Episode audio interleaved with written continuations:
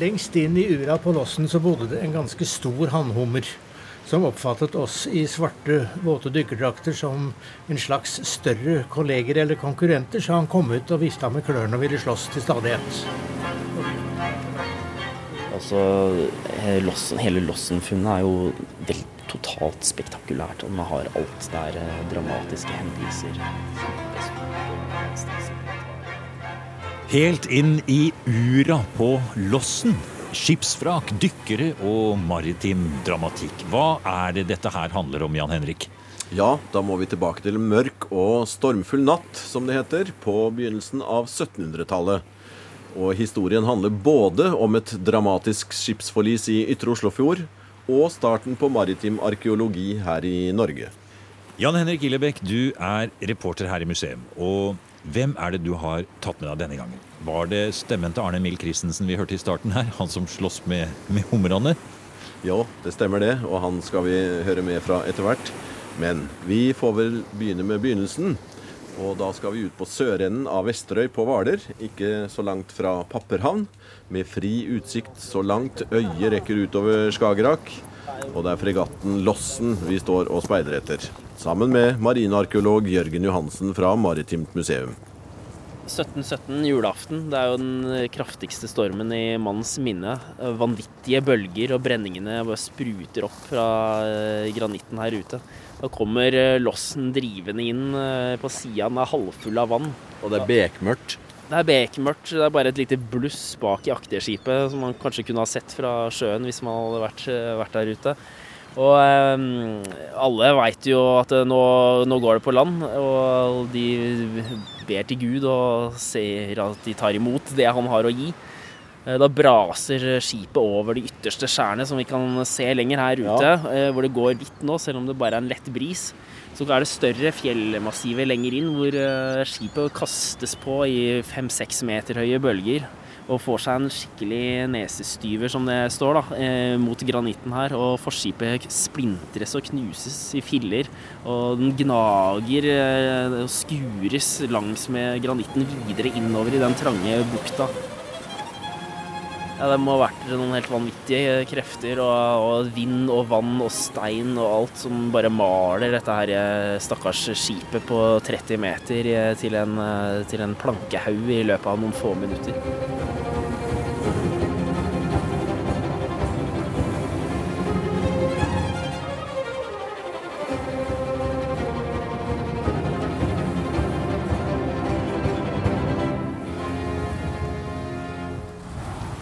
Det var 105 om bord, og seks eh, svenske krigsfanger. Av de så er det halvparten som faktisk klarer å berge seg. Jeg skjønner ikke helt hvordan de har fått det til. Ja. Men det står da at de, når skipet ligger over på Babos side, så eh, ligger mastene opp mot land. Så de har antagelig brukt riggen, da, de aller raskeste av dem, ja. og klatra over. Mens, men halvparten har jo ikke klart å komme seg på land og omkom. Hvordan kom de seg herfra? Det var jo vilt og øde. Ja, de har, altså Det står at de, de, de, fleste må bli sittende rett og slett oppå berget her, for det er så mye kløfter og, og søkk og sånt noe også på alle kanter her. Og i den stormen så må de bare greie seg som best de kan over den natta. Men så karer de seg over land inn til den nærmeste havna som ligger ikke så langt unna her, Papperhavn, hvor det er en, eh, en liten bosetting og en, et fiskesamfunn. Så de blir tatt imot uh, der inne. 22.12. 22. 22. desember 1717 så ligger eh, lossen i Stavern og venter på flere skip, handelsskip som den skal ta med seg i konvoi. Eh, og de reiser sørover mot Danmark. Eh, og så friskner det til. Det begynner å blåse mer og mer. Og det sies da at de, faktisk kan se Danmark når de får en veldig sørlig vind. Og de er nødt til å bare følge vinden. Ja, for det er et kraftig uvær. Det vet vi i ettertid. Ja, det er beskrevet som om en eh, kjele som brått koker over. Og så havet eh, reiser seg veldig i en vinterstorm. Og så vet vi også at flatlandet oppover Nord-Tyskland og Danmark, eh, disse dikene på den tida, de var i ganske dårlig forfatning. Og når du fikk den kjempesjøen, så ryker også dikene, og tusenvis av mennesker omkommer så det er jo den virkelig store tragedien. Men lille Lossen eh, er jo midt oppi denne stormen. Ja, hva gjorde den da? Den prøver å berge seg som, så godt den kan oppover eh, nordover. Da. Eh, flere av de andre skipene som den er sammen med, mister etter hvert av syne. Eh, etter tid så vet vi at flere av de klarte å komme seg i havn. Men, eh, men lossen eh, går det dårlig med. Den ligger eh, Det blir veldig mye pålandsvind.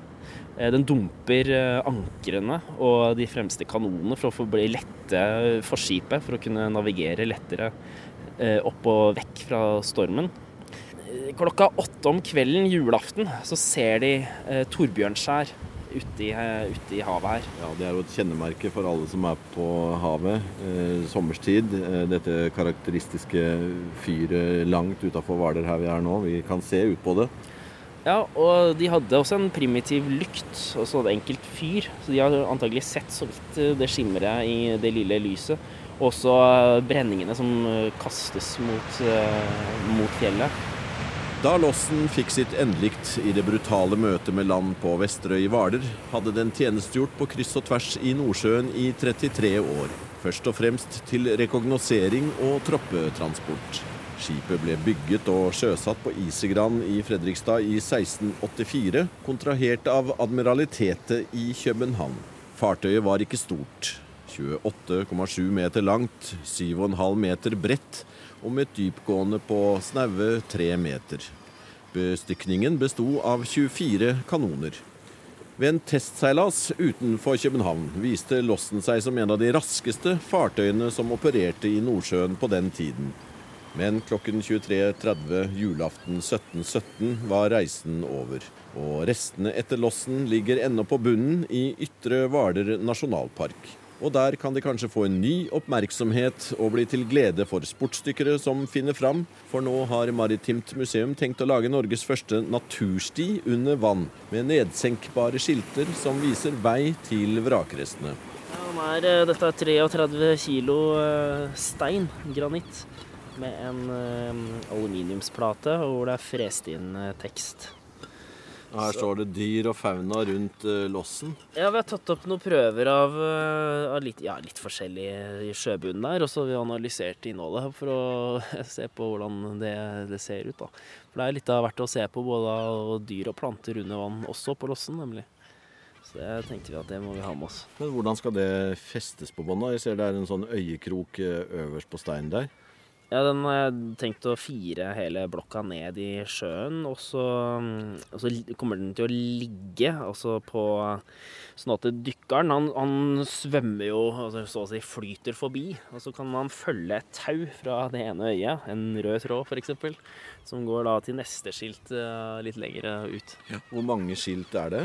Jeg har fem skilt, så ja, så blir det å buksere dem som, som best det går, og så rigge det litt til med dykking.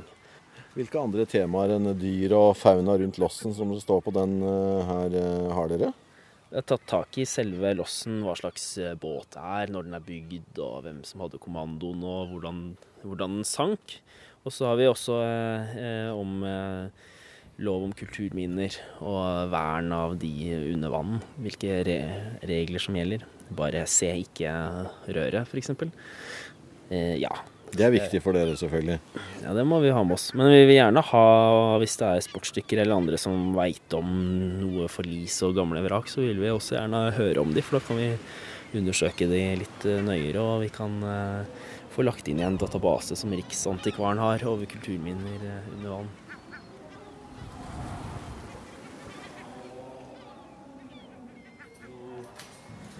Vi har jo, Den er jo kjempemye stort og spennende gjenstandsmateriale fra, fra lossen. og det er jo Noe av det er utstilt, men det er ikke alt, alt som er tilgjengelig. Å, det lukter kjemikalier. Og kommer jeg inn i magasinet, da, som er uh, her. Oh, Har du et sett? eh, er her hvor det står eh, ikke sant, mange sarkofager. ja. ja. Her er det Her er litt ting lossen fra ting, da. Ja, er det Å, ja. Dette er skipskista. Skipskiste. Så Skolest. leste lesten, ja. Ja, for da var det jo ganske mange av Og brennevinskrukker. brennevinskrukker. Fra svabergene ytterst på Hvaler i Østfold har vi tatt oss til Norsk Maritimt Museum på Bygdøy. Marinarkeolog Jørgen Johansen har buksert oss ned i museets magasin, hvor teknisk konservator Pål Tome har ansvaret. Gjenstandene fra lossen hører med til ballasten i museets virksomhet. Utgravningene i 1967 og 68 avdekket tusenvis av gjenstander. Mange av dem er fortsatt intakt etter 250 år på havbunnen. Til og med en smørkroke, med innholdet intakt. Så nå ser vi rett oppi en Den vinflaska der, da. Så den eh, Ja, der, den har jo kork på, men det har Ja. blitt saltvann. Du har vel en åpner? Det er nok ikke noe særlig originalvare igjen der. Jeg tror det er bare rester av eh, saltvann eventuelt. Her er en liten morsom sak. Det er smør som er tatt er det ut. det? Er det Ja, det snakka vi om, nemlig. Så det lukter jo rimelig harskt og trist. Får lukte. Å, fytti grisen. Jeg tror jeg står over. Det var Men den var det ikke noen som smakte på, det smøret også, da vi tok det opp. Men eh, det må ha vært fant, Det var tre skipskister som ble funnet. Eh, Og det, det har vært kjempespennende å, å grave ut i, da, med alt det personlige utstyret som er oppe. Jeg er jo litt forundra over at eh, det er så mange bevarte ting. Jeg vet eh, hvor stedet er hvor denne båten gikk på. Ja, er- Og omstendighetene gikk på, hvordan den la seg der, og hvordan havet maler på. Ja, nei, men han ligger så, ja, For det meste av båten har jo forsvunnet, spist opp av perlemark. Ja. Så lå den over på babord side, så raste kanonene fra styrbord side tvers over dekk og rett, Og rett ned i sjøen. Og sånn har det nok vært med alle, mange andre gjenstander der også. Ja. Eh, så det er noen altså funnet mange tresleiver f.eks. som man skulle tro bare fløyt opp og vekk. Ja. ikke sånn, Det er eh, bevart. altså De må nærmest ha vært fanga inne i vraket på en eller annen måte. For det tar jo tid før det går ned i, i sedimentene. Det må jo ha tatt eh, mange år, det også, før det ble brutt ned til sånn som vi fant det på 60-tallet. Så nå ligger det under en 30 cm med sand og mudder eh, igjen. da. Det er ikke sikkert det tar så veldig lang tid å få, å få det ned. Det er litt avhengig av hvor eksponert det er. Det kan godt hende at vi får dekket det til eh, Ja. i løpet av noen høststormer og Ja litt forskjellig, og Og så en- jobber det seg ned. Her er det masse pappesker. Her er det mye fra låsen. Det er jo totalt over 4300 registreringer, altså gjenstander. ja. Og her ligger jo hoveddelen av det vi ikke har stilt ut, det ligger her. Kan du åpne en sånn pappeske så jeg bare kan se inni? Ja. Se her, ja. Del av tønner, tønnestaver. Alt nummerert og i orden. Ja, så rimelig bra i hvert fall. Oi, se her. Flott treskje. Se der, masse skjeer. Ja, hver mann hatt sin Nei.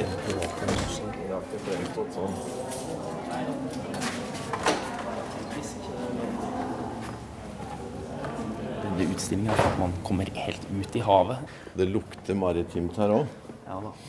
Eh, Det lukter godt. ordentlige ting. Her er vi, Men nå nærmer vi oss eh, Lossen sine gjenstander, da. Ja. her. Her er det flotte hengende montre, faktisk. Med, med lossen. er, Spennende. ja, og det som er eh, litt artig, er jo at, eh, altså, det- at det er så variert gjenstandsmateriale. Det er veldig forskjellig. Eh, mange av vraka våre er jo helt eh, uten funn, fordi de er eh, kanskje rigga helt ned og rett og slett dumpa som, som utbrukte båter. Men lossen, den, der rakk man jo knapt å evakuere noe som helst. Så der ligger alt som hører med på, på en, den, en type båt, er, er funnet, da. Helt på den øverste hylla der så er det et eh, nesten helt svart skrin eh, som er eh, fint lagd til. Her kommer man jo helt inn på altså de personene om bord på båten. Eh, det man ser her, er masse bitte små knappenåler. Og så er det Men det er jo ordentlige knappenåler, Ja. ja, det er akkurat sånn som de ser ut i dag, mm. egentlig. Veldig godt bevart fra 1717. Eh, en del av en liten fløyte. Sånn flott saks eh, som ligger oppi der. Fingerbøl og en terning En terning? spille, ikke sant? Ja. da. Eh, Så her er jeg liksom virkelig kommet inn på en person. Jeg tror kanskje at eh, hvis vi ser litt nøyere her, så skal vi finne ut hvem det er også. Det ligger en ring på siden der. Ja, den ser jeg. eh, Til, altså det er til å lage seil. ikke sant? Forsegle brev. Akkurat. Så det er signert i ringen til en person om bord på lossen. Og det første jeg tenker på når jeg ser den ringen, er jo at det ser ut som en eh, sånn kongelig monogram. ikke Ja, sant? det gjør det. Men hvis man studerer den litt nøyere, så ser man at de, det er ikke en krone over monogrammet, men faktisk en bitte liten blomsterkrans. Det ser jeg. Og så står det A og B. Og den personen kjenner vi til, for vi har eh, skipsrullene. Nei. Andres eh, Bose heter eh, vedkommende, og det er en, en løytnant, offiser om bord. Eh, han hører vi ingenting om etter forliset, så vi regner med at han faktisk omkom. Da. Hvor kom han fra? Eh, nei, han var vel norsk. Nå ser jeg på en av monterne her så ligger det piper. Det er du interessert i? Piper er eh, artig. Det har jeg jobba med tidligere. Um, har, eh, altså, tobakken har jo vært i Europa eh, som et massekonsum allerede 100 år uh, på Lossen sin tid. Um, men det som er litt interessant, er jo å se hvordan man behandler pipen om bord. For det er, du kan jo være veldig lenge på sjøen før du får kjøpt nye piper. da. En uh, ting vi må se på her, det er eh, Ser du det er også en sånn, Det er dreid eh, lite skaft med noen sånne vulster på. eh, Omtrent eh, 10-10 cm, kanskje. Ja, ja. Og så ser den, er den litt mm, Med en gang så ser den symmetrisk ut. Altså det er en vulst i Ja. ene enden og en i den andre. Men så ser man også at det er, det er løst. ikke sant? Det er skrudd fast Ja, faktisk i endestykkene. Eh, Og så er den jo ganske liten. Og når eh, man gravde opp, så satt konservatorer eh, her nede og, og, klødde seg litt i hodet. Hva er dette? ikke sant? Så ser man at man kan skru av endestykkene, og da er det en bitte liten eh, lommekikkert. Fantastisk. Hvis vi ser på altså, de flotteste tingene, eller mest fascinerende, så er disse her Det er to stokker, egentlig. En ser ut som en linjal, og så en sånn firkanta, avlang sak med mm, masse innrissa merke på. Ja, den, man, ja. den er ikke stor. Den er vel en 35-40 cm lang. Ja, og så Hvis man ser litt nøyere, så er det streker på tvers, også med tall, tall eh, eh, som er eh, gravert inn. Og hva er dette, det? er en det er regnestav. Dette er til navigasjon. Ganske avansert matematikk, eh, faktisk. Og som, så her er det sinus og kosinus og alt hva det heter. For å regne ut eh, lengde og breddegrad og hvor du er på sjøen. Men nå hadde mannskapet om bord veldig god peiling på hvor de var. Men de er, er veldig erfarne, og de er i Nordsjøområdet det meste av tiden. Så jeg tror nesten uansett eh, så veit de hvor, de hvor de er, da. Lossen-utstillingen på Maritimt museum tar ikke mye plass, men den er kompakt og detaljrik. En kan forestille seg arkeologenes undring da de også fant uskadet skjørt porselen i vrakrestene. En skål. Eh, eh, den er jo hvit med blå dekor, og så ser man vel eh, ja, kanskje et landskap av noe slag bak med vann og sjø og fjell. Eh, Dette er kinesisk porselen som er importert eh, langveisfra, altså, og en del av, av den nye tiden på 1700-tallet med koloniprodukter fra, fra hele verden. Veldig spennende. Ja, flott. Men vi skal ikke glemme at dette var et, eh, et krigsskip, en fregatt. Det var 24 kanoner om bord. Og her har vi eh, altså, en av disse ladningene eh, som er eh, gjort klar. Det er bunta sammen eh, en masse jernkuler inni Ja. en, en pakke Ja. eh, med en eh, slags sånn treplate liggende. Så når den fyres av, så må det ha fungert nesten som en sånn hagleladning. Altså en god spredning. Mens eh, her er en annen type kule. Han har har to store eh, altså rundinger, da, og så en, et sånn jernstang imellom. Og den, men den eh, virvler gjennom lufta, er nok mer for å ta altså slå ut rigg, da. Seil og tau og den type ting. For dette skipet Lossen, det var faktisk i kamp eh, rett som det var? Ja, nå har, eh, Det er nesten rart at den har greide seg såpass lenge. altså Den ble 30 år gammel. Men det virker som at den, oppdragene dens i skarp kamp skipet er eh, mer på rekognosering. At han, han farter eh, mye rundt. Da. Så Ja. han er antagelig litt eh, lei å treffe, rett og slett. For det var et raskt skip. Raskt skip, ja. Ikke som de her veldig store orlogsskipene, som det heter. De hadde mer enn 50 kanoner. Det er det som er altså, virkelig artilleriet da, i et sjøslag. Så Lossen har, er kjent for å være rask og ganske liten, men han er godt, bes godt bestykka. Altså, han kan gjøre voldsomt mye skade. Perfekt til å lede konvoier. Det er fascinerende når man snakker om disse slagene, selv om det er forferdelige ting. Men Uh, ofte så ser man jo for seg uh, sånn krigsskip i sånn full storm og åpne kanonporter, og det er mye, mye action. Men uh, det som er saken, er jo at de har store problemer med å, å bruke kanonene hvis det er noe særlig sjø i det hele tatt. Det er ofte nesten helt blikkstille vann. For ellers så ruller jo vannet inn kanonportene. Ikke? Ja. Så da, man, manøvreringa er han litt som sjakk. eh, Veldig sakte og forsiktig posisjonering. Der har vi dem. Og smakk av gårde med kulene. Akkurat. Så det ble krig med værforbehold. Ja, helt klart. I starten på dette programmet hørte vi om en stor hummer som holdt til ved vraket av Lossen under utgravningene i 1967. Vi har også fått eh, høre at disse utgravningene ble starten på norsk marinarkeologi.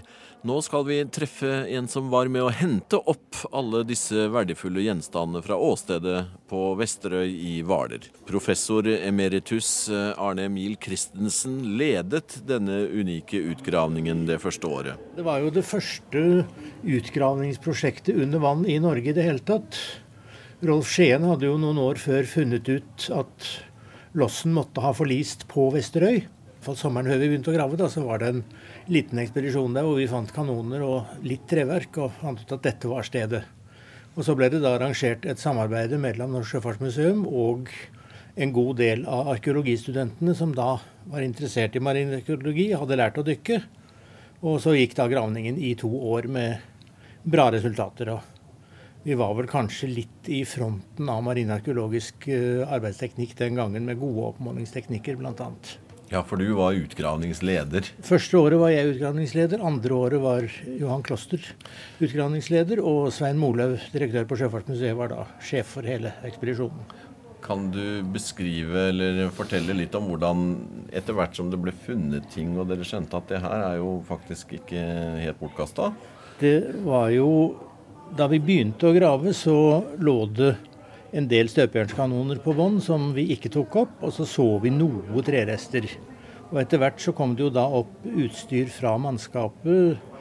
De rareste ting som vi egentlig ikke hadde ventet å finne om bord, bl.a. en masse skolester. Så det tyder jo da på at uh, menige sjøfolk de har drevet som hobbyskomakere.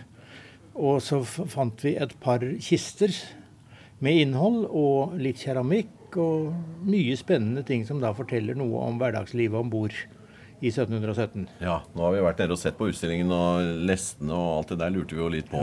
Vi ventet oss jo liksom utstyr på et krigsskip, så vi ventet oss våpendeler, og det vi fant mest av, var uniformsknapper. Det var en litt overraskelse.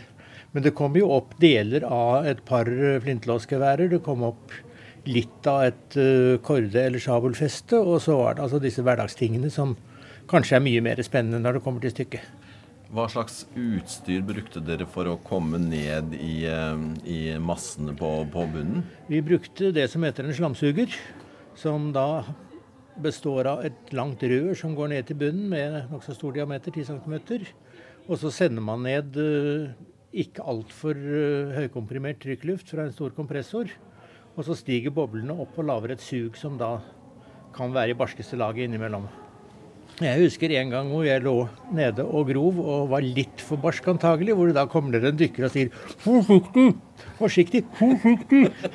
I den grad han kunne snakke gjennom maska. Og da var det kommet opp ting i en Vi hadde en nokså stor sil med en nettingduk hvor vi da plukket det som kom i slamsugeren. Og da var det kommet litt for mye, så jeg fikk kjeft da jeg kom opp. Hva har dette arbeidet du utførte den gangen betydd for deg senere? Er det noe som har fulgt deg? Både ja og nei. Jeg har jo stort sett arbeidet med eldre skip da, og vært ansatt på Vikingskipshuset. Men Lossen var en spennende start på norsk marinarkeologi, og det er veldig moro å ha vært med på det. sier professor emeritus Arne Emil Christensen. Jørgen Johannessen hører til den nye generasjon norske marinarkeologer. Og for han og kollegene ved Maritimt museum er historien om lossen og utgravningene som fant sted på slutten av 60-tallet, av stor betydning den dag i dag. Eh, på 60-tallet så har man allerede dykka for så vidt eh, noen år, eh, fordi teknologien er tilgjengelig. Mange kjenner sikkert sjakkost og pusteapparatet.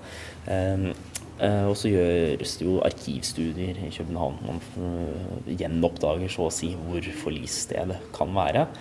Og neste, neste trinn er jo å, å, å dykke, gå under overflata og se etter uh, lossen. Så her er en del av det dykkerutstyret. Og dette er, det var en, en, kjempestor utgravning i norsk sammenheng, men også internasjonalt. det var første, en av de aller første i sitt slag, da, med mange, mange mennesker som jobba frivillig og stor operasjon. og En ganske komplisert uh, utgravning også. Uh, den fikk veldig god mediedekning uh, på den tida. Så hele Lossen-funnet er jo veldig totalt spektakulært. Den har alt. Det er dramatiske hendelser, et kjempestort gjenstandsinventar og en fantastisk utgravning. Så den hele Lossen-utgravninga står altså, i fag fagfeltet vårt, undervannsarkeologi, så står den veldig sterkt. Du har nå hørt programmet Museum som podkast fra NRK. Museum sendes i NRK P2 på lørdager og søndager. Du finner flere programmer på nrk.no podkast.